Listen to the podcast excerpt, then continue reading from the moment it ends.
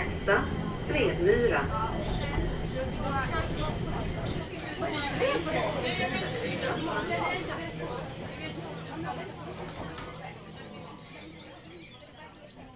Har du någon hemlig förhoppning idag om att, att vi ska se någonting?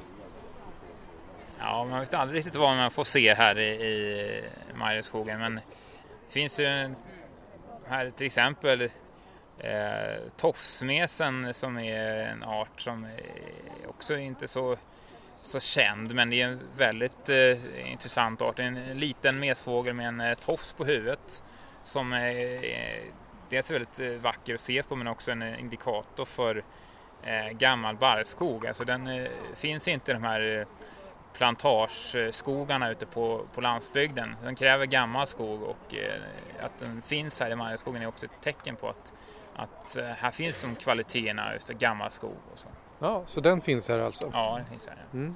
Toppen, då får vi spana efter den som en extra bonus. Ja, precis ja. Mm. ja. Topp.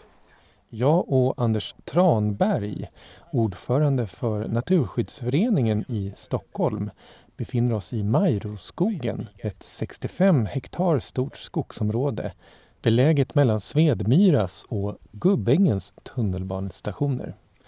Det är förhållandevis tyst, endast små mespip hörs i de vinterkala träden och så prasslande matsäckspåsar när frusna händer letar fram te och kaffetermosar under den korta fikapausen i grönmossan.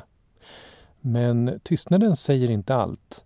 Jag och ungefär 25 personer till och en hund är på guidad tur i ett av södra Stockholms mest artrika grönområden.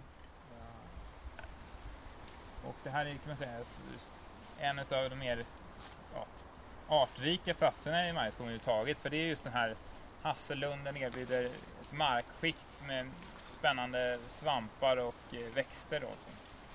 Eh, och samtidigt så är det här då som det i alla fall har funnits en, en grovpopulation och den är, nu är den väldigt eh, splittrad den här grovpopulationen så att den har eh, finns bara någon enstaka grodor kvar som överlever från år till år. Eh, och det är väldigt svårt att säga om den är, är, kommer överleva på sikt den här grodpopulationen för att den, är, den har decimerats eh, med kanske 95 procent minst då, på grund av det byggdes en bussdepå här nere 2006-2007 och tidigare så höll grodorna till i dikena där nere och sen vandrade de upp hit till den här hassellunden och hittade skydd här. Så det var framförallt här man hittade också på, på vårarna mycket grodor. Anders Tranberg har tagit oss till den fuktiga hassellunden i Majroskogen. På ena sidan kantad av en bergsvägg helt täckt av fuktdrypande mossa. Men här finns flera naturtyper. Karga bergsryggar, hällmarkstallskog och äldre granskog till exempel. Och det är därför som området lockar till sig flera olika arter, berättar Anders Tranberg. Så att ett av anledningarna till att jag har den här guidningen idag är att visa att den här skogen har otroliga kvaliteter eh, och ligger eh, bara några kilometer från Stockholm city men är väl, en väldigt tillgång och väldigt höga värden också. Ja, vad, vad är det för kvaliteter du pratar om? De kvaliteterna som finns här det är ju Alltså rent eh, biologiskt då, alltså riktigt hög biologisk mångfald, mycket rödlistade arter, hotade arter. Eh, en stor variation i skogen också. Här finns då olika naturtyper som hällmarkstallskog, det finns hassellund, gammal eh, granskog, här finns eh, eh, eh, trädklädd myr och eh, även lite sumpskog så det är en väldig variation. Ja, vad, vad, kan du ge exempel på några av de här rödlistade arterna som man kan se här om man har tur? Ja, det, dels har vi ju en del fågelarter här, alltså gröngöling, mindre hackspett eh, och eh, även eh, talltita har ju setts här som är rödlistad. Och eh, sen har vi vedsvampar, eh, tallticka, också, eh, och eh, sen har vi ju eh, vedlevande insekter som är rödlistade, reliktbock till exempel. Och, eh, ja, så det finns ett flertal arter och även eh, så kallade naturvårdsarter här som också visar på höga naturvärden. Mm. Som har ju till exempel grovticka och eh, ja, blomkålsvamp.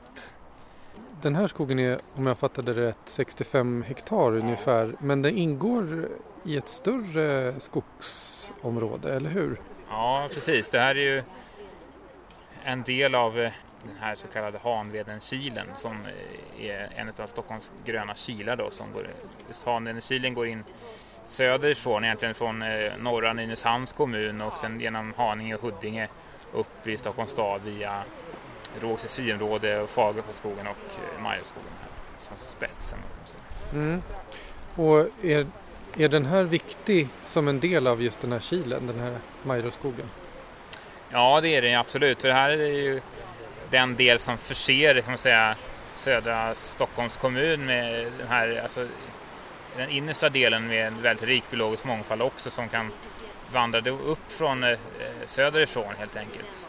Så att eh, det här är en viktig del av spridningskorridoren, både ja, från söder till norr men också från norr till söder här så att det, eh, de arterna som finns inne i, i lite längre in i Stockholms kommun också kan sprida sig vidare mm. söderut.